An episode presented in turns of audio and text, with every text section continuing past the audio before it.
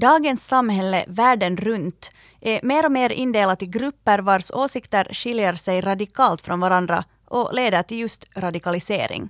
Det är allt svartvitare och allt mindre gråzoner. Eller? Det här är Vetskap, en podd om färsk forskning. Vetskap produceras av Svenska litteratursällskapet i Finland i samarbete med Huvudstadsbladet. Jag som leder samtalet heter Hanna Nordensvan och är journalist.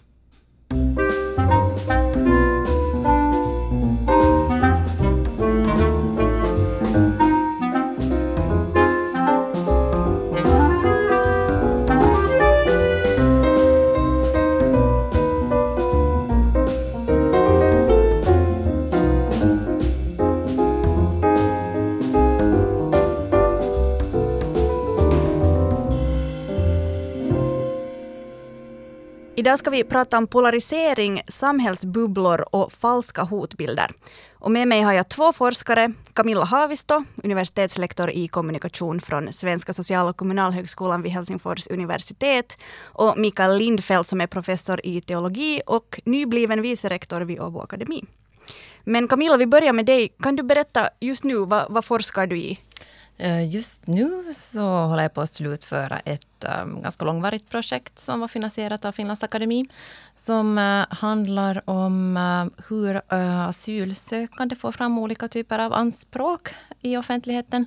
Så jag talar om anspråk, men det betyder egentligen så åsikter, hur de får fram sina åsikter kring olika problem i samhället. Eller ja, vissa fina saker också. Det handlar inte bara om problem, men hur de får sin röst hörd helt enkelt. Och vi ska återkomma lite senare till vad du har kommit fram där. Mikael, först kan du berätta, du är mitt inne i ett stort forskningsprojekt som handlar om hur människor förhåller sig till vaccin. Mm, så är det. Vad handlar det om? No, det handlar om vaccin. Nej, men, eh, reklampaus också, vi är också finansierade av Finlands Akademi och, och, och, jobbar ganska långsiktigt. Det här är ett för mig också super, super intressant projekt där vi eh, jobbar eh, teologer, etiker, å ena sidan och sen samspel med psykologer å andra sidan. Och då fokuserar vi oss just på attityder kring vaccin, vaccinförhållningar, vad är det som motiverar människor att tänka sig och så. Vi är inte medicinare på något sätt utan, utan just den här så att säga, softvärlden kring attityder, förhållningssätt, resonemang bakom olika attityder till vaccin. Och det ska vi också återkomma till om en stund, men först så vill jag ändå börja med mina egna känslor, eftersom det här ändå är en podd om forskning. Um, vi ska luta oss på vad ni vet snart, men alltså det här är vad jag känner och jag undrar om ni också känner det här. Att generellt världen på något sätt faller längre och längre ifrån vetenskapliga fakta och vi lutar oss mera just på något sätt känslor och på rykten. Har ni, har ni samma filis? Det är härligt att som forskare bli tillfrågad vad man har för känslor. Ja. För att det är vanligtvis så när man forskar att man försöker sätta de där känslorna åt sidan och så försöker man gå till de där forskningsresultaten och, och jämföra dem. Men, uh, men det är intressant att du, att du talar om dina egna känslor för, för det, det här med känslor och affekt är en jättestor sak just nu i, i, i samhället och, och, det är på många plan känslorna som, som styr. Men uh, när man tittar på forskningsresultat om, om, om huruvida uh, det faktum är på det sättet att, att finländare till exempel inte skulle lita på vetenskap lika mycket idag som tidigare, så, så stämmer det nog inte. Utan, utan det, har, det har gjorts av vetenskapsbarometrar med, med jämna mellanrum. Och, och, och det tyder nog på att, på att vi litar vi litar på vetenskap ja, lika mycket om inte mer än tidigare. Men, men det här Mikas område, det finns en liten sån svacka kanske just där när det handlar alltså om, om, om, om hälsa och, och kost. Viss mm. vetenskapsskepticism kanske just på de här områdena. Men så överlag så litar vi på, och främst på medicinsk forskning, men, men också på andra typer av forskningsresultat. Och det här är ganska entydigt faktiskt som, som det förs fram. Så det är medierna och det, det är populist på politiker och, och, och som Juha Sipilä som talar om alla världens docenter och så. Så det är den här, den här allmänna mm. Bilden ger ett sånt intryck av att det skulle vara så. Mm, jag, jag tänker precis likadant som Camilla här. Att, att eh, generellt sett så skulle jag aldrig gå med på en sån här bild. Utan vi litar väldigt mycket på vårt samhälle överlag, alla institutioner, och vi litar på forskning. Men, men sen när det kommer till just de här frågorna som rör människor väldigt personligt. Och några sådana knäckämnen skulle vara just hälsa. Liksom det berör mig, det hur jag känner. Mm. Liksom sjukdom, hälsa känns. Eh, ett annat sånt där härligt debattområde är diet. liksom, dieter och vilka, vilka fakta ska man lita på. Och det är liksom fullständig katastrof. Eh, det är så det verkar för att människor har sina uppfattningar, man reagerar instinktivt på det här. Men, men sen skulle jag liksom ett lite större perspektiv, när du känner det sådär, eh, så skulle jag ställa frågan tillbaka, att, nej, men, vilket samhälle tänker du då på att det förr litades mera på vetenskap? Alltså, liksom, eh, jordbruket på 20-talet, var det mera vetenskapligt än idag? Eller liksom, vilka samhällssfärer du har en, du har en bra poäng. Uh, jag var ju inte jordbrukare på 20-talet. Du var men, inte? men men uh, alltså, jag antar att det känns så för att um, sånt som när vi talar om fake news och sånt som är falskt liksom, och, och de här känslorna blir så uppblåsta. Uh, och jag ser dem i min newsfeed, på min Facebook-feed och på min Instagram-feed varje dag liksom, och de blir bara större. Det känns, därför känns det, tycker jag, som att det är mera. Men det känns också skönt att höra Camilla att du säger att forskning visar att det de facto inte är så. Men det här med fake news, kan vi prata lite om det för att så, på något sätt falsk information, det måste väl ändå vara liksom relativt ett nytt fenomen att, att vi blir liksom itutade falsk information, alltså falsarium, irrläror. uh, teolog som jag är då, om vi börjar den, liksom, teologin har ju definierat irrläror sedan andra århundradet. Liksom, hur så om det är något nytt att, att man gör skillnad på vad som är väsentlig kunskap och inte väsentlig så har det ju alltid funnits med. Så jag vet inte heller liksom fake news är för mig ett sätt att kortsluta en diskussion. Det är liksom att säga att anklaga någon annan för en ideologisk eller politisk eller någonting som jag tar avstånd från. Uh, att öppna en diskussion, det normala sättet att diskutera med människor är att ställa frågan, men hej, nu har jag kanske missförstått dig. Eller kanske jag tolkar det olika. Eller liksom det, det, är inte att sluta diskussionen, det är att öppna upp och, och försöka få samförstånd. Mm. Men alla anspelningar på fake news handlar egentligen om att täppa till den som inte man gillar. Och då får man de här liksom motsättningarna med att hävda att saker är fake news. Men var är skillnaden där, där du pratar om att man alltid gjort skillnad på väsentlig information och sånt man själv tycker att det är väsentligt. Uh, men sen finns det ju också helt rena liksom, rykten som på något sätt sprids som sanningar. Speciellt inom politiken, jag tänker i USA om att presidentkandidaterna finns, det finns människor som tror att de är med i någon sorts internationell trafficking-ring under förra valet i USA. Och då är det ju inte en, liksom, ett, en mindre väsentlig sanning, det är ju helt påhittat. Och sånt sprids och påverkar människor. Kan vi, kan vi prata om det? Vi kan prata om det. Camilla, börja. Nej, jag tror att ett problem här, och du är absolut inne på rätt, rätt spår Mikael, på, på det planet att, att, när vi pratar om, om fake news så tror jag inte kanske att vi menar riktigt samma sak när vi pratar om det. Och, och när man går till olika definitioner av vad, vad, falska nyheter ska kunna vara, så det är ett väldigt, väldigt mångfacetterat område. Och det där, det där den liksom breda allmänheten tänker på med fake news, så det är ju um, det är sån information som är fabrikerad på flit och som sprids på flit för att liksom förbrylla människor och, och, och, skapa kaos. Men, men sen samtidigt så finns det en massa olika former av eh, information som på ett eller annat sätt är missvisande. Och, och det finns satir till exempel. Ofta tänker ju eh, speciellt den äldre generationens medieanvändare att, eller de kan tänka sig att det som är satir, att det ska vara på något sätt fake news. Men det är ju inte så. Det är en alldeles liksom skild form av det här. Och, och, det finns liksom falska kopplingar så att man kopplar kopplar på webben på olika sätt. Så att, och det finns en massa liksom, olika typer av missinformation och det blir ett problem tror jag när vi pratar om fake news som om det skulle täcka allt eller sen då mm. bara den, det här. Och, och, det är ju faktiskt så att som eh, forskare i mediekommunikation ganska sällan använder sig av det här begreppet som, som sådant. Utan man talar helt enkelt om missvisad information eller, eller brister i kommunikationen eller um, ja, oetiska nyheter. Mm. Propaganda propaganda, absolut. Liksom medvetna försök att styra människor i att tänka eller handla på ett visst sätt. Mm. Men, men eh, att det här liksom finns i ditt Facebookflöde och alla möjliga sociala medieflöden, eh, så det är ju ett väldigt nytt fenomen. Liksom den här känslan av att det, det kommer på en. Mm.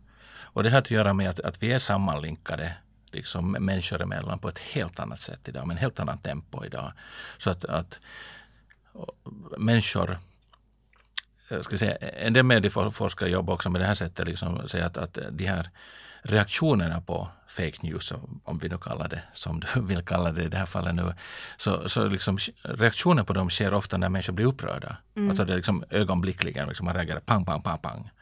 Och det här har vi aldrig kunnat följa med socialt tidigare. Jag menar om äh, Majkari kablade ut någon nyhet för 20 år sedan och människor satt där hemma och blev arga eller upprörda och sen får det förbi eftersom ingen visste om att det hände någonting inne i kojorna. Men nu är liksom alla på Facebook. Jag pratade just om det här med en kompis att, att det känns som att man går omkring väldigt ofta och bara är arg för att man blir bombarderad med olika videon och, och saker vars, vars mål är att uppröra en eller få en att känna väldigt starka känslor. Och då tänker jag kanske Camilla, eftersom du har tittat på det här med medias roll också just i polarisering. Men innan vi pratar om det, alltså sociala mediers roll och på något sätt det vi själv skapar där. Att liksom bara truga ut oss våra vår ilska och, och, våra känslor och mötas av andra människors ilska och känslor. Vad är sociala mediers roll i att skapa en mer polariserad samhällsbild? Mm, no, forskning har kommit fram till att det finns ju polarisering också alltså, utöver de här sociala medierna. Och, och, det blir lätt så att när vi tänker på polarisering så tänker vi att det är sociala medierna som på något sätt genererar det där. Men, men så är det inte. Och det här visar forskning ganska entydigt just från de äldre generationerna. Alltså, över 75-åringar um, äh, eh, som bor i Nordamerika. Um, så de har väldigt som, de är en ganska polariserad grupp och de använder ganska lite sociala medier. Så där, det där måste vi komma ihåg. Men det är klart att sociala medier också är som en väsentlig del av det här fenomenen. Och, och, och dels är det ju dels är det liksom självvalt att vi väljer vad vi vill följa med helt enkelt. Och vi vill kanske följa hellre med sånt som, som styrker våra egna åsikter. Och vi väljer att inte följa med det som ifrågasätter. Men det här är inte heller någon ny grej. För, för okay, I Finland så har ju pressen varit obunden ganska länge. Men i andra länder så har det varit väldigt vanligt att, att folk till exempel eh, prenumererar på en tidning som man vet att ligger lite mer till höger höger och sen prenumererar de på en tidning som ligger lite mer till vänster för att man ska få en heltäckande bild. och så här. Eller sen väljer man att inte göra det. Så alltid har det funnits det här liksom egna, egna valet helt enkelt, av att vad man vill, vill följa med. Men, uh, men sen är det ju också algoritmerna alltså som, som påverkar det. Och, och, och det, här, det bygger ju logiken på webben uh, och i sociala medier på det att, att uh, den typ av material som du engagerar dig med, så den typ av material får du också mer mm. av, av hela tiden. Och, och, det är ju företag som, som styr det här och det är hemligheter. Så vi vet inte riktigt hur de här algoritmerna är, är uppbyggda. Vi vet inte vad det är för datapunkter så att säga som, som de vet om och, och hurdant flöde de skapar. Allt det här bidrar ju till att, att vi dels kan välja men sen att vi dels också bara blir som överkörda med en viss typ av, av material och utsatta för en viss typ av tankegångar som då vanligtvis liksom stärker våra egna. Mm. Ja, om jag ska på, på den sista delen som, som Camilla byggde på. Alltså det som gör det kanske ännu starkare att, att liksom de psykologiska teorier som, som florerar eller finns kring det här med ryktesspridning och hur vi accepterar sanningar sådant, så bygger exakt på den där mekanismen. Att vi litar, generellt sett litar vi på människor när de säger någonting. Och nästa steg är att, att vi tenderar att hålla med om det bekräftar vår tidigare egen uppfattning. Och när dessa algoritmer just gör den här samma mekanismen så betyder det att vi hela tiden matas med sånt som vi är beredda att acceptera. Och då blir vår världsbild formad av det, då som fyller oss och då skapas den här bubblan där inte vi ser utanför och algoritmerna styr upp den här bubblan och skapar de här väggarna kring det här. Men när vi pratar om algoritmer så måste vi komma ihåg att, att det är ju människor som, som kodar de här algoritmerna och det är människor och det finns liksom stora strategier där bakom också. Att, att det är viktigt tycker jag att vi som ser mänskligheten där och inte bara tänker på att det är maskiner som gör det för oss. Utan mm. det finns alltid en mänsklig faktor där. Men ni menar också att det är liksom naturligt att på något sätt för oss människor att skapa en bubbla eller liksom man, vill hör, man, man hör sånt man vill höra. För nu, nu är det ju liksom mera bubblor. Det talas ju hela tiden om den rödgröna bubblan i söder till exempel inom, när man pratar om politik i Finland. Och, och, och nu har man ju förut också pratat, ju, liksom pratat om stadsbor och människor som bor på landet. Men det känns som att värderingarna som finns inne i alla bubblor nu, att de är mer extrema eller att de är mer entydiga. Att, att alla som hör till den här bubblan tycker verkligen så här. Men så är det ju inte. Det är klart att det är inte så, men, men det skapas de här liksom föreställningar och grupper. Och, och, när man vill liksom, eftersom psykologiska logiken eller mekanismen hur som vi människor reagerar på bygger på det att vi, vi tar till oss den information som bekräftar det vi visste från förr. Så då matade på den här och algoritmer styr, men det är klart att människor styr algoritmerna. Men i slutändan så blir det så att vi matas och, och tröskeln att acceptera ett påstående som går mot det som gruppen säger eller som finns i vår omgivning, den, blir, den tröskeln blir högre hela tiden. Och därför kommer vi in och bekräftar varandra, vi bekräftar och skapar vi-känsla i den här gruppen. Och sen, sen liksom känns världen mycket mer konstigt, det som inte bekräftar det här. Så att det finns studier som visar till och med att vi är beredda att tro och hålla med sanningar som någon som vi tror på säger, även om vi tvivlar på det själva.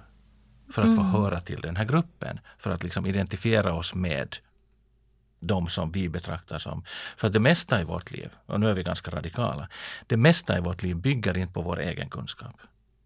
Alltså absolut mesta bygger på att vi tror på någon som vi anser har kompetens att säga saker.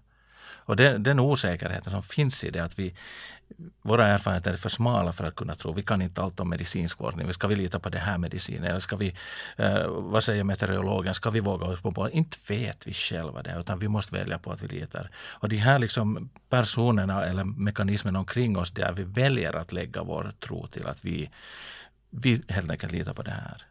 Så den liksom, mekanismen skapar det här, vår trygghetskänsla. Det där det... är ju väldigt intressant för att um, det är ju sånt här som olika populister väldigt mycket spelar på. Att man litar på dem för att de låter som att de vet vad de pratar om. Så jag antar att det här, man kan väl säga att det här hänger ihop med mycket av uh, de politikerna som vi ser världen över bli valda, som um, är ganska extrema i, i sättet de pratar. Psykologiskt funkar den här mekanismen just på det här sättet. Och det finns en annan mekanism som jag tycker nästan är ännu värre det är att eh, liksom, när vi ser Trump, liksom från vårt perspektiv, vi ska, vi ska inte generalisera, jag vet inte hur det är att bo i USA en längre tid och så vidare.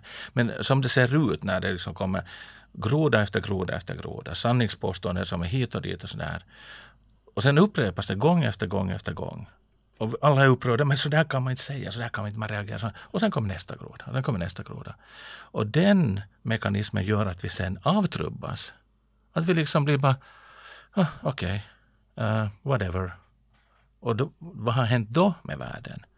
När vi inte liksom orkar ens bli upprörda över någonting som, är, som vi vet att det är helt galet. Mm. Och det är liksom, då, då, då, då har vi liksom missat någonting av liksom respekt för sanning överhuvudtaget. Att, att vi, sanning är någonting som på sätt och vis borde liksom styra hur vi beter oss och inte tvärtom. Det resonerade i någonting så här, på det teoretiska planet också som heter tvåstegshypotesen. Och, och, det är något som är en ganska gammal teori men som är väldigt aktuell idag med tanke på att vem är det, den fråga vi bör ställa oss är vem är de här som påverkar oss? Och ni pratar om politiker och populistpolitiker som kommer in. Det.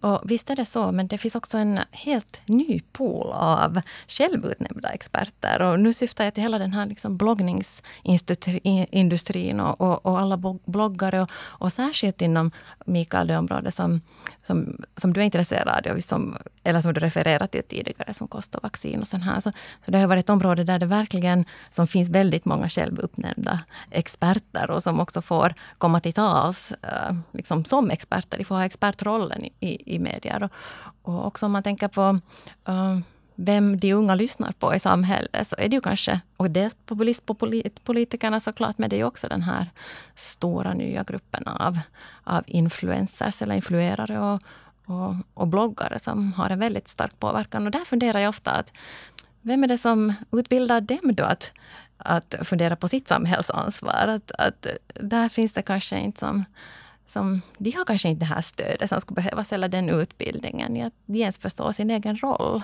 i samhället. Och där kommer kanske källkritik in som en ganska stark grej som jag vet att man i skolor um, så lär man sig redan i lågstadiet och högstadiet pratar man mycket mer om källkritik än förut. Och jag vet att det gjordes en undersökning 2016 som, som Tidningarnas förbund beställde och som ändå visar att det är en jätteliten procent av högstadieelever som, som tror på sådana här liksom, så kallade då fake news-sidor eller liksom alternativa sanningar som MV-Lehti till exempel har. Um, så då undrar jag om det är en generationsfråga också där. Eller du sa att, att i Nordamerika så kan man säga att den äldre populationen är ganska polariserad redan mm. av sig själv som inte har med sociala medier att göra. Men, men tycker ni att unga uh, har en bättre, liksom, bättre källkritik?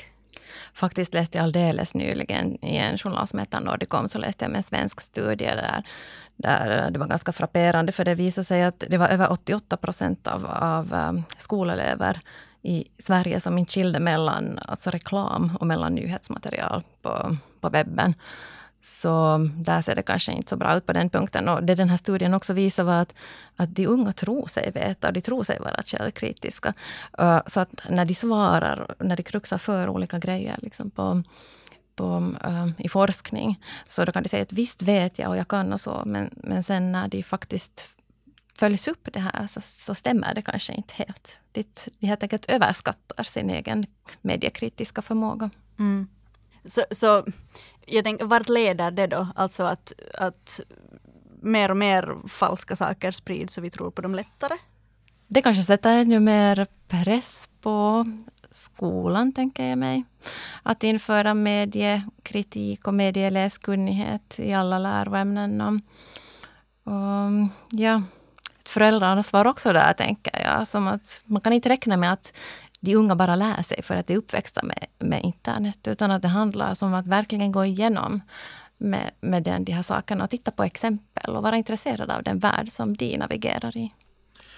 Ja, Hanna, jag, jag delar din, ditt bekymmer här egentligen. Uh, för att det här, det här är en oroväckande situation när, när jag också ser på det blir ganska personligt, men liksom på hur ungdomskulturen ser ut i, i min omgivning med en tonårig son. Och, och hela det här, när jag ser att det inte finns, det liksom, mönstren att ta till sig kunskap och information är någonting helt annat. Och det bygger just det som Camilla eh, var inne på, influencers. Och, och ungdomar lär sig allt via Youtube.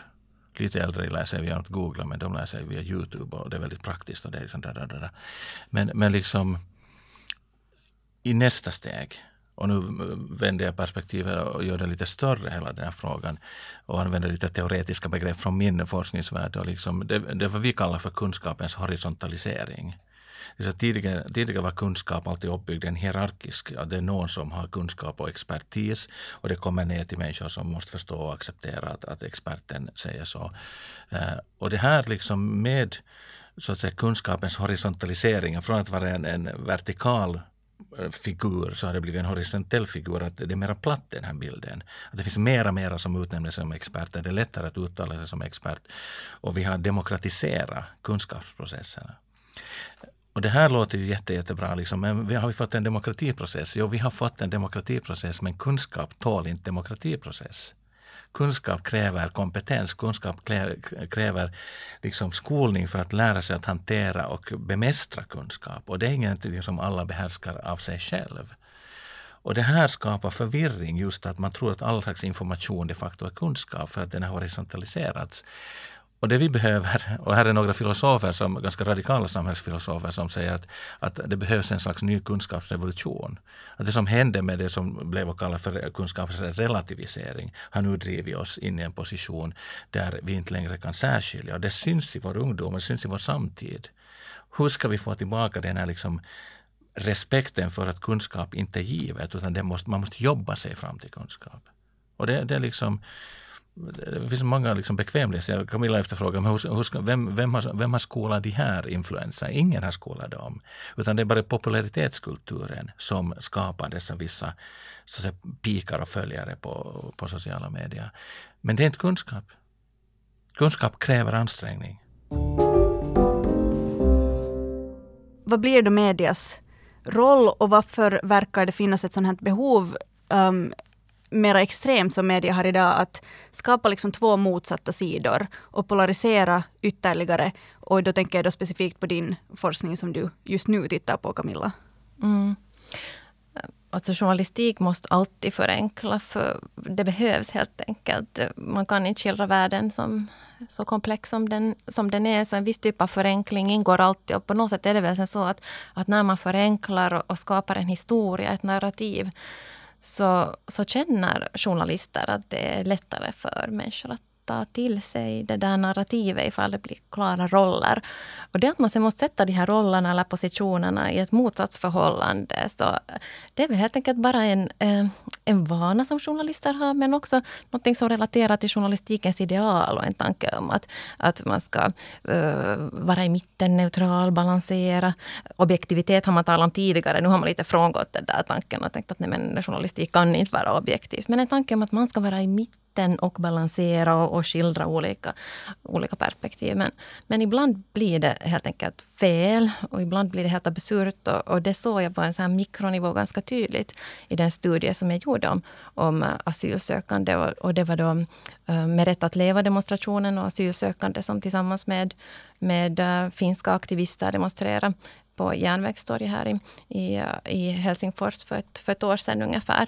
Och, och då, min fråga där var att, att vilken typ av anspråk ställer de här äh, asylsökande och på vilket sätt relaterar journalister till de här åsikterna och anspråken som asylsökande lägger fram. Och, då, mitt fältarbete, när jag följde med och intervjuade äh, aktivister så var det ju helt tydligt att de inte brydde sig överhuvudtaget om de här motdemonstranterna. Alltså de brydde sig inte alls om migrationskritikerna som också hade slagit upp läger där, utan, utan de pratade om säkerhetsläge i äh, Afghanistan och Irak och de riktade riktar nästan all sin kommunikation till, eh, till Finland eller till EU, alltså till våra politiker och till, eh, till vår eh, migrationsförvaltning. Så de förbisåg de här motdemonstranterna eller migrationskritikerna. Men sen när jag tittar på nyhetsmaterialet som har producerats under det här halvåret som demonstrationen ägde rum, så, så då hade det, hela den här demonstrationen hade presenterats som en um, som att det var två läger som var emot varandra. Det var asylsökande och, och det var migrationskritikerna. Och, och det, de här äh, artiklarna kom att handla om, så det handlar om den här liksom, platsen, alltså det här urbana utrymmet och om olika typer av problem som ägde rum där som relaterar till ordning. På Järnvägstorget alltså? Precis, på Järnvägstorget. Så, så det här var inte, um, det fanns ingenting som, ingenting som påminde om de saker som de här asylsökande aktivisterna försökte få, få fram. Så det var ganska intressant att, att följa med. Det var inte något överraskande i och för sig, för att det är ju så här journalistik fungerar. Att man försöker ta ett, ett ganska svåruppfattat fenomen och, och lokalisera det och göra det som och skildra det liksom i, i de här medieanvändarnas liksom lokala omgivning. Men hur skulle det ha kunnat se ut då om, alltså, om media skulle ha gjort det på ett annorlunda sätt, liksom så här ponera, hur skulle du ha vilja se det? Mm. Det finns forskare i Tammerfors som, eh, som har utvecklat något som kallas konstruktiv journalistik. Och, och, och, det finns forskare annanstans i världen också som, som har lite likadana tankegångar. Och där tänker man att, att journalister kan ta en aktiv roll och man pratar om, om lyssnandets politik. Och att, att journalister här kan få äh, våra makthavare att lyssna. Och på, finskans, äh, på finska så talas det om kuuntelutta, att det är journalisternas roll helt enkelt. Att, att få politikerna att lyssna på sådana röster som kanske är marginaliseringshotade eller som inte annars kommer fram. Så varför inte? Inte skulle det ha varit någon omöjlighet att, att en journalist skulle ha fört en politiker och asylsökande samman och haft dem att prata och verkligen krävt svar på de här jättesvåra eh, äh, migrationspolitiska eh, frågorna. Och, men menar du då den här då, det som media på sätt och vis målar upp som att vara den andra sidan, alltså de som var migrationskritiker. Uh, skulle inte det kunna vara ändå en del i den här soppan? Eller menar du att var det liksom på något sätt fel att inkludera dem i rapporteringen? Mm, no, det där är en bra fråga. Um, kanske det har svårt att förstå att varför det i en och samma artikel alltid ska vara de här uh, två polariserade rollerna. Att kan man då tänka sig att de här asylsökande ska ha fått ett längre reportage där de ska ha fått fram sina åsikter, där man verkligen ska fördjupa sig i den problematik som de försöker föra fram och sen göra då ett annat där de här um, migrationskritikerna uh, för fram sina argument. Och ibland så kan man ju föra samman de här perspektiven. Det, det blir bara lätt så att det blir så väldigt ytligt när man försöker föra de här båda uh, bolarna i, i, i, samma, um, i samma artikel eller i, i samma medieprodukt. Vad skulle ni då säga att blir de liksom faktiska effekterna för en mediekonsument eller för samhället i stort över att man uh, läser och hör och ser sådana här polariseringar där man då till exempel sätter uh, rasister, måste man väl ändå säga, å ena sidan och, och rasifierade människor å andra sidan som om de skulle vara varandras motsatser på något sätt. No, I det här fallet var det ju helt klart att vår förståelse om vad som på riktigt försiggår i Afghanistan och Irak, uh, dit asylsökande sänds tillbaka, att, att det har lidit av det här att, att man bara pratar om skräp och utedass på järnvägstorget som de gjorde i, i medierna. Så på det här sättet måste man tänka att, att när um, när det är någonting som får vara i strålkastaren så är det alltid någonting som inte kan vara där. För det finns inte så hemskt mycket plats i offentlig, offentligheten för allting. Så, så där tycker jag det är viktigt att man frågar sig som så kritisk mediekonsument. Att vad är det vi inte ser nu när vi ser det här? Håller du med Mikael? Det är jättespännande att höra Camilla ta upp det här exemplet från din egen forskning. För, för det, det, det linkar förstås hos mig på, kring det jag har pratat om tidigare om, om kunskapens horisontalisering och liksom demokratisering. Att vi, Eh, och nu ser jag det där du berättade om hur journalistiken tenderar att försöka balansera de här olika positionerna utan att fråga att finns det kvalitativa skillnader på vad det är man för fram. Utan man, man förväntas ställa fram två olika positioner för att det är dramaturgiskt rätt och, och så där vidare. Och, och, om jag kopplar över det då till, till mitt det, som, det projekt som, som jag leder med vaccinattityder eh, liksom och vaccintänkande. Så där, där sker, sker samma så att säga polarisering och eh, demokratisering av positionerna. Att tittar man på, på de få människor som är vaccintveksamma, det är lite större grupp, men vaccinkritiska, alltså riktigt vaccinkritiska människor, så det är en försvinnande liten grupp i befolknings, liksom, eh, på befolkningsnivå. Och ändå när en journalist ska liksom vara liksom balanserad och ta en något, så mäts de här positionerna som lika värde. Att vi måste för, för balansens skull ha olika positioner. Skapar man ett debattprogram någonting så låter man det samma sak. Eller från min teolog, teologihorisont, liksom kyrka, kyrkan, man ska debattera homosexuella och deras vara eller inte vara. Så blir det som, okej, okay, två representativa poler, men de är inte representativa. Precis som du säger, rasister och rasifierade. Det är inte två representativa jämnstarka poler. Och det, liksom den här sken demokratiseringen av kunskap här eh, liksom vinner ingen på, utan det mera gynnar polarisering än att skapa samförstånd. Och här, här är nog ett bra, en bra poäng som du gör Camilla, att, att hur ska journalistiken nu så att säga, bearbeta sig själv och sin egen position i ljuset av att när man ser hur de här polariseringsmekanismerna fungerar idag, hur ska media hantera de här frågorna i, i, i att skapa offentlighet? Har du några tankar kring det? En viktig poäng där tycker jag också. Att, eh, att fundera på vem det är som kommer in som som den som har förklaringar. Vem, vem är det som kommer in som experten? Um, och, och, där skulle jag nog säga att, att det är väldigt ofta polisen som får komma in och ge den här liksom sanningen så att säga till slut. Att då är det, de har byggt en story med två poler och sen är det polisen som kommer. Liksom. Och, och det här är underligt att det har hänt en massa konstigheter med vårt polisväsende och stora skandaler men inte har det ändrat på det här att, att polisen får komma in som expert och som sanningshavare i, i journalistiken. Och, och vi har en stor tilltro um, till våra institutioner och till experter som, som um, representerar våra institutioner. Och där ska jag nog säga att det där kanske är det första steget. Att, att vi skulle kunna kanske ta lärdom lite av Frankrike eller andra länder där man går lite hårdare åt uh, de här institutionerna. Ja, då börjar jag kanske tänka lite på att så tvivel. Alltså, på något sätt är det på båda sidorna att, att man tvivlar kanske på um, om man är i sin bubbla då och så får man ny information uh, som inte passar in i ens egen världsbild och då tvivlar man på det uh, och vill kanske inte ta sig till det. Men samtidigt så är väl tvivel ändå ganska hälsosamt just för att vi får så mycket information som kommer från alla trutar hela tiden mot oss. Är det, borde, borde vi tvivla mera på det vi hör? Det beror på vad du hör. Det, teologen, jag är nyfiken på ditt svar. Nej, men, men det är klart, liksom, uh, initialt utgår vi från liksom, när det handlar just om, om sätter vi tillit, tror vi på någonting eller inte? Är det rykten, är det vad som helst, är det liksom fake news, what not?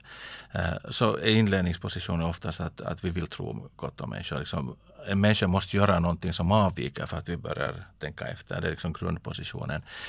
Och på den tilliten så kan vi bygga liksom, tvivel. Eh, men det, det, är inte så lätt liksom, när det gäller också vaccin, liksom, attityder och, och liksom andra slags den här typens eh, tveksamma informationsarenor. Liksom, eh, så hjälper det inte bara att säga, rätta, sätta in rätt information om någonting. Liksom för att människor filtrerar det alltid genifrån sin gruppidentitet, sina tidigare erfarenheter, sin egen förståelsehorisont och det kommer liksom tröskeln högre att ta till sig någonting som avviker än det som man är beredd att hålla med om. Så ja, vi, vi ska tvivla och det är det som, jag menar, både jag och Camilla jobbar i universitetsvärlden och vi, vi skolar människor där och vi, framförallt är vårt uppdrag att skola människor till kritiskt tänkande. Det, är liksom, det säger vi alltid, men det kommer att få en jättestor betydelse nu och framöver ännu mera. Att vad är det att tänka kritiskt? Liksom inte vara, alltså inte kritisk betydelse, nu tänker jag bara liksom pottas med någon. Utan kritiskt att ifrågasätta, ställa frågor, ställa vettiga frågor, inte vilka frågor som helst. Utan att lära sig kritiskt tänkande är att lära sig att ställa de smarta, vettiga frågorna i rätta sammanhang. Och i syfte att skapa trovärdigare kunskap. Och det här är en kompetens som jag tror att blir som en generisk kompetens som jag tror att vi måste jobba ännu mer och inte bara säga att universiteten gör det här. Så att tvivel i den formen behöver vi, men vi kan inte börja i tvivel. Vi kan, vi kan aldrig börja, inga människor börjar i tvivel, vi börjar i att tro på människor. Och sen kan vi skapa förmåga att vara kritiska. Nej, du har rätt där Mikael. Och, och jag tänker, det här relaterar till din tidigare fråga också kring, äh, kring hur vi ska handskas med kunskap som äh, är direkt motsatt och hur vi ska hantera med det här liksom konflikten inuti. Och så där tänker jag, där är universitetet också ett sånt ställe där man tränar på det här. För kontinuerligt så, så ombeds du läsa olika typer av texter som kommer med motstridiga budskap och, och då får du evaluera källan och får det sätta in i vilken typ av metodologi har använts var har det här publicerats och, och, och, och sådana saker. Så där, där tänker jag också att universiteten gör ett väldigt, väldigt viktigt jobb som de här unga kommer att ha stor nytta av i framtiden och att det är någonting som vi ska kunna marknadsföra mycket bättre än, än, än vi har gjort. Um, angående tvivel, alltså, det tycker jag är lite intressant i, i forskning kring, kring medier och kommunikation och, och dagens hybrida mediesamhälle. Det är att, att Även om folk skulle tvivla och även om de vet att någonting är fel eller falskt, så sprider de ju ändå den här liksom, Och Då kan man fråga, att vad är det där tvivlets liksom, roll då egentligen? Folk tvivlar och folk är till och med eh, liksom, duktiga ibland på att avslöja liksom, de här falska nyheterna. Men, men så väljer de att ändå sprida för olika typer av vinning. Det kan vara ekonomisk vinning, politisk vinning eller, eller någonting annat. Och, och det här tycker jag inte att vi ska glömma heller det här med, med de ekonomiska aspekterna och det här med att cirkulera um, information som är missvisande eller, eller felaktig. Att, att ibland är det helt enkelt bara den här trafiken på sidor som folk är intresserade av. Så de säger vad som helst, beter sig hur som helst för att trafik ska riktas in någonstans. För om det kommer mer trafik till en sida så då är det lättare att, att få um, företag som, uh, som skapar annonser eller marknadsföring. Och det här lever ju jättemånga på. Men blir det inte lite en konflikt där, nu säger du att, alltså att universitetens roll är ganska stor här i att, att skapa en sån uh, kultur som, som stödjer kunskap och, och, och sann kunskap så att säga. Och nu är ni ju båda representanter för universitet, men uh, det måste väl ändå vara en jämlikhetsfråga där. Alla har ju inte tillgång till universitet och det blir ju en klassfråga också. Alla har inte tillgång till kunskap på samma sätt. Och blir inte då den, när du pratar om demokratiserad kunskap, Mikael, tidigare, är inte det också en möjlighet att uh, kunskap finns mer tillgängligt och så, sociala medier och så vidare, är det inte också en möjlighet um, att sprida kunskap till alla delar av samhället som inte alltid har haft samma på sätt och vis lyx att kunna studera på ett universitet? Uh, om du skulle ställa den här frågan i USA så skulle jag varit helt med med det. I Finland är det inte helt med. Vi, vi, vi har liksom, eh, det går att komma in till ett universitet ganska lätt i Finland. Vi har inte så klassorienterat universitetssystem. Men, men generellt så är ju den, det är den tankefiguren vi jobbar med, att, att sprida information och sprida pålitlig och kunskapsbaserad information, evidensbaserad information. Eh, det som vi har diskuterat tidigare handlar mycket mer om att, att, att liksom det finns så många tekniska kanaler nu att sprida vilken slags information som helst. Och det är det som vi liksom, det är där som vi måste konkurrera om uppmärksamheten och det är det som är utmaningen. Men eh, det kan man säga liksom vår nuvarande regering, om vi tar lite utbildningspolitik här samtidigt, så vill ju höja eh, andelen högskolestuderande från nuvarande 40 procent av en årskurs till 50 procent. Så vi är ju på väg åt demokratisering av tillgång till högskolestudier. Och, och, men, men det som jag och Camilla kanske mera betonar att vi måste föra fram att det är det vi gör att vi for, liksom formar unga studerande till att tänka kritiskt och, och vad det innebär att, att tillämpa den liksom kunskaps så att säga, förädlingen. Och när jag tidigare pratade om de här bloggarna och när jag frågade mig att vem ska utbilda de här bloggarna och hur ska de kunna inse sitt samhälleliga uppdrag så, så det var kanske just det här jag syftar på. Att, att eh, mainstreamjournalistiken, det finns olika typer av organ där. Det finns um, journalistförbundet, det finns journalistregler som alla följer. Men, men vad har bloggarna? Skulle det kunna finnas något organ där som, uh, där bloggarna tillsammans ska kunna fundera på, på de etiska regler de vill följa och på sitt samhälleliga uppdrag. Och det här betyder inte att alla ska prata politik eller demokrati eller ha en uppfostrande ton, utan att de ska vara medvetna om sin roll i samhället idag. För jag tror inte att alla Youtube-ansikten är helt... Äh, förstår liksom hur mycket makt de har. De ser hur mycket följare de har, de ser hur mycket pengar som kommer in och de kanske ser att det här blir mitt yrke, men de förstår inte vad de har för, för otroligt betydande roll i dagens samhälle.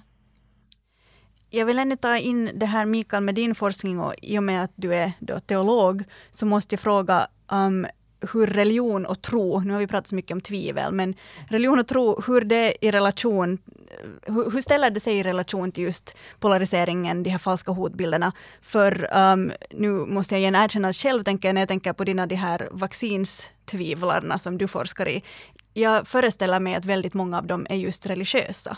Men har jag helt fel då? Antagligen. jag blir ny, jag, som liksom forskare blir jag mer nyfiken på att du säger att det där är din liksom, uh, default-position, att du börjar i den positionen. Uh, vi kan säga så här att, att eh, tidigare forskning i det här fältet visar på ganska väldigt svaga kopplingar mellan religiös tro och vaccinattityder. Men eftersom jag är teolog, eftersom vi sysslar med forskning och vi, vi liksom och har pågående forskning i ett område i Finland som är relativt sett lite vaccintveksammare än andra områden. I Finland är det ändå väldigt höga procenter, så det är liksom en liten svacka i tveksamheter. Inte, inte tvivel, men tveksamheter. Eh, och det området samtidigt är väldigt starkt religiöst präglat. Så då, därför kommer den här frågan och därför har vi satt det på agendan i vårt forskningsprojekt. Att finns här någon koppling och vi, vi liksom håller på att undersöka det där. Men, men eh, det som vi hittills har kunnat se i det här projektet är att A, och kanske det viktigaste, det finns ingen enskild motivator eller orsak till vaccintveksamhet. Det är en väldigt stor liksom, skala av möjliga skäl som människor använder. Och när vi har frågat i någon av våra enkäter, liksom, eh, har du, finns det religiösa skäl till att du avstår? Så är det försvinnande liten som hänvisar till det. Och det har delvis att göra med, utan att vi nu har tolkat vidare och jobbat med det här materialet, men, men, men, i Finland så pratar vi inte om religiösa skäl på det sättet. Vi kopplar inte religiösa övertygelser till den typens frågor. Det gör man i, i många andra länder. I USA skulle du där, där hittar du helt självklart det här liksom, it's my personal religious conviction, da, da, da, da. och det är helt liksom kulturellt acceptabelt. Men här är det inte kulturellt acceptabelt att hänvisa till religiösa övertygelser, utan man hänvisar till någonting annat. Liksom, nej men det, det, är bra för min hälsa eller, eller jag vill inte utsätta mina barn för någonting. Och man tar till en massa liksom, naturvetenskapliga och kvasimedicinska eller vad som helst förklaringar för att uttrycka samma sak som man i USA skulle kalla för religiösa skäl. Uh, eh, men sen finns det liksom bland tveksamma människor så finns det eh, människor som, som har olika ideal av, av sådana här renlevnadsideal. Liksom det är ett naturligt sätt att leva. Vi ska inte ta in främmande produkter i våra kroppar. Och, och, och liksom, det finns olika halter av metaller som finns i vacciner. Man hänvisar till den typens liksom resonemang och, och har då ideal om att, att, att ju mer naturenligt man lever, desto hälsosammare lever man. Och, och det är liksom, då kan man börja fundera, är det här en religiös övertygelse eller inte? Liksom det är en sekulär variant av något slags eh, naturliga ideal. Mm, så för, försöker vi kanske förenkla det när vi försöker koppla ihop religion med, med olika sätt av extrema tänkande. Vi är, vi är vana i, i mediesammanhang att göra det. Liksom, när vi kopplar ihop religion och polarisering så är det terrorism vi har. Och här, här liksom, jag har en kollega i Sverige, i Södertörn, David Turfjell som är professor i Södertörn, Eh, som som han visar på ett jätteelegant sätt hur, hur svenska liksom, eh, mentalitet, liksom sätt att, att eh, förhålla sig till religioner bland svenskar har förändrats längs 1900-talet. Det är liksom det att man är kristen tidigare betydde något annat. Idag betyder det väldigt sån frikyrklig, väldigt engagerad människa som, som tar Bibeln på, bokstavligt på allvar. Det är en kristen. Och, och, och, han visar hur det här förändrar över tid. Och sen tar han samma sak med, med gruppen buddhister. Och då är det de som, som säger, jag, jag är inte kristen, jag, jag, jag känner mig, jag är inte vara religiös, men om jag ska vara religiös så vill jag vara buddhist. Och då är det som, nej men vad bygger du det där på då? Och, och han visar då liksom steg för steg hur det här liksom synen på vad en buddhist är har förändrats. För det, det, är ingen fredlig religion. Det är ingen speciellt liksom sån här generös och tolerant religion på något speciellt plan. Men i, i vår mindset har det blivit så att, att muslimer har aggressiv våldsbejakande. Där. Buddhisterna, man, nej, men de är fredliga. Då ser man de där munkarna framför sig som, som delar ut allmosor. Och, liksom den här. och kristen, det är då liksom, nej men jag är inte kristen för att jag inte vill vara så här. Och de här föreställningarna används också för att polarisera. Liksom grupp, grupp indela oss själva, där vi tar avstånd eller identifierar oss med olika religiösa markörer om vi också gör det där med, jag tänker mig att man förstår saker bättre om man just tar dem lite i bitar som i det här fallet. Och om vi tar det här vaccinexemplet eh, lite i bitar. Kan ni båda hjälpa mig att liksom förstå att hur hur börjar någonting som kanske, jag vet inte ens hur det har fötts, ett tvivel i någon människa att vaccin som allmänt är någonting som har hjälpt oss som grupp att överleva längre och bättre eh, och bli starkare och friskare. Hur har det förvandlats? Hur har resan gått till att det här tvivlet har förvandlats till att det finns människor som ser det som en sanning att vaccin skadar oss? Det är svårt att svara på den frågan. Det är faktiskt svårt att svara. Liksom, det finns olika graderingar här. Jag talar gärna nu om vaccintveksamhet. Att, att det är den större gruppen som, som är osäkra hur de ska förhålla sig. Och ofta Eh, så kommer, och vi är tillbaka till den här kunskapsfrågan, liksom varifrån hämtar man trovärdig information? Så tidigare forskning visar att det, det, är, liksom, det är ofta personliga erfarenheter som ligger bakom. Liksom, min son, min dotter, min moster, min någonting. Det hände någonting konstigt. Uh, och liksom det utbröt en sån efter vaccin, det måste vara kopplat. Och, och, och, då börjar man liksom, för att hälsa är personlig som vi talade om tidigare och det, liksom det är kopplat till det här. Och sen har vi då det här i Finland, det här berättelsen om, om pandem, Pandemrix, det där narkolepsifallet som, som då var för den här stora svininfluensan som då bedömdes bli en global liksom, eh, stor, stor sjukdom. Och då, då liksom gick man in med, med vaccin som inte var optimalt bra. Det var testat och det, allt det där men det var inte optimalt bra för det läge vi hade och det skapar vissa följder. Och de där riskerna, alla mediciner, alla vacciner har en viss procentuell liksom, riskfall. Och det här är en fråga om liksom, hur bedömer man liksom, vad är risk och vad är, vad är liksom, nytta. Och när man för över det här på ett lekmannanivå, liksom, jag känner mig sjuk, jag är sjuk, min kropp, mina barn, mitt ansvar för mina barn, så är riskbedömningen någonting helt annat på den nivån än när ett läkemedelsföretag går igenom massvisa tester och sen i slutändan finns en text om vad risk betyder. Mm. Det är liksom en helt annan diskurs i den medicinska kontexten än den som vi pratar hemma i vardagsbordet om, liksom vardagsrummet om att oj, nej, men det är risk med de här vaccinerna. Så att här är språket spelas lite spratt här, men, men mm. komplex fråga. Men känner du igen det Camilla, att, att den här processen i hur någonting som inte är sant förvandlas till eh, någon sorts sanning, bland vissa människor i alla fall. Känner du igen det här i att det handlar om personliga erfarenheter som, som sprids? Visst är det ens egna personliga erfarenheter och sen också de här som man litar på i samhället. De här um, ja, åsiktspåverkarna och deras erfarenheter kring någonting. Ehm, men där, när Mikael pratar om, om hur polariseringsprocesser börjar och att det alltid handlar om en viss typ av, av eh, fördelning i vi och dem. Och det, här, det här ska jag vilja kanske ta fasta vid och, och, och, och fundera på lite vidare. För att för det finns teoretiker eh, just som har forskat i polariseringsprocesser och, och de framhäver att det alltid är en sån här uh, identitetspolitisk um, liksom grej som det egentligen börjar med. Att, att man, drar vissa skiljelinjer mellan en vi-grupp och någon som inte tillhör oss. Och, och det här är ganska, säkert ganska naturligt, man funderar på vem vi och det är, men i verkligheten är det ju så att man har en massa olika liksom, vi-identiteter och de-identiteter. Men, men när polarisering börjar äga rum så blir det väldigt som entydiga, väldigt svartvita. Eh, men det här räcker inte, säger en, en, en holländsk uh, teoretiker som heter Bart Brunsma, eh, som är specialiserad på polarisering. Utan, utan det krävs liksom bränsle för att det här ska ta vid. Och, och medierna kan vara en typ av bränsle, som att det är medierna som förstärker den här liksom fördelningen i oss och dem. Och att, att det blir allt svårare att stå däremellan.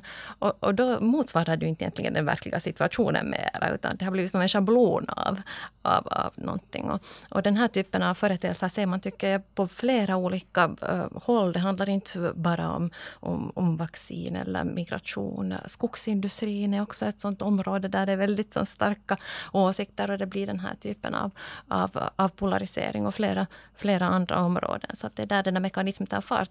Och, och det teoretiker funderar mycket på är att jaha, men hur ska man bryta det här? Då, vad ska man göra? Och, och, och då hävdar de att ja, det är egentligen uh, det är egentligen där man ska titta på den som står där i mitten. För det måste finnas människor där som står i mitten och som inte riktigt ännu är säkra på om de ska välja till höger eller vänster och så. Och sätta uppmärksamheten på dem istället och höra deras åsikter. På det sättet bryts den här starka polariseringsprocessen. I varje avsnitt så låter vi en forskare inom ett annat ämne ställa en fråga till de som är här idag. Den här veckan är det Carl Gustav Lindén som forskar inom kommunikation på Helsingfors universitet som får ställa en fråga till er. Eh, jag tänker på det här med hotbilder och polarisering och, och det här kunskapskritiken i, i samhället. Om ni skulle få välja, om ni skulle vara diktatorer, vad skulle ni göra? Vad skulle er lösning vara? Hur vi skulle lösa problemet. skulle, ni, skulle ni bara säga att nu får den här gruppen får inte mera prata eller sociala medier ska sluta existera. Det går ju inte att göra. Vi lever i en globaliserad värld där information flödar åt alla håll hela tiden. Det finns ju, det finns ju ingenting en, en diktator kan göra. Man borde ju vara världsdiktator. Gud. Ja, men det, ni får den här makten i den här frågan nu. Jag tror att en realistisk tanke här är tvådelad. Den ena har att göra med just att, att, att vi behöver få en kultur där vi, där vi eh, upprätthåller förmågan och, och förbättrar förmågan till kritiskt tänkande. Och den andra delen har att göra med att inse att, att en värld där vi tänker helt lika eller har liksom inte har någon, någon meningsskiljaktighet eller någonting sånt, att den, den föreställningen är, är konstig, att vi inte skulle ha sånt. Utan utmaningen gäller att, att hur kommer vi till rätta med varandras olikheter? Att hur, som en kollega till mig brukar uttrycka det ibland, han säger att hur ska vi dela världen för att kunna dela världen? Så hur, hur, hur drar vi gränslinjerna så att det möjliggör kommunikation? Det är en av de absolut största utmaningar vi har när vi har identitetspolitiska logiker som vill tvinga in oss i polariseringar. Så behöver vi liksom uppmärksamma dem och se hur ska vi leva tillsammans? Det är en ödesfråga. Och de multinationella företag som nog ganska långt styr de här processerna eller finns där för att, som medhjälpare. Så det borde nog sätta större press på dem till um, transparens. Nu behöver vi få veta hur Facebook gör och vad de gör för förändringar. Nu har vi ingen aning, ingen har någon aning om, om de justeringar i algoritmerna uh, som de kan göra vilka som helst tisdag eller onsdag och, och, som stort påverkar den typ av, av information och nyhetsartiklar som delas via Facebook. Så mer genomskinlighet, mer, mer ansvar. Här tips till alla världens diktatorer direkt från kunskapens källa. Du har lyssnat på ett avsnitt av podden Vetskap. Mitt namn är Hanna Nordensvan och gäster idag var forskarna Camilla Havisto och Mikael Lindfelt. Tack för att ni var med. Producent för den här podden är Nina Edgren Henriksson och ansvarig redaktör är Marika McLean. Poddavsnittet spelades in i Eva Lingon AB studio i Helsingfors och ljudtekniker det var Tage Rönnqvist. Vetskap produceras av Svenska litteratursällskapet som är en av de stora forskningsfinansiärerna inom humaniora och samhällsvetenskaper i Finland och av Hufvudstadsbladet som är Finlands största dagstidning på svenska. Tack för din uppmärksamhet.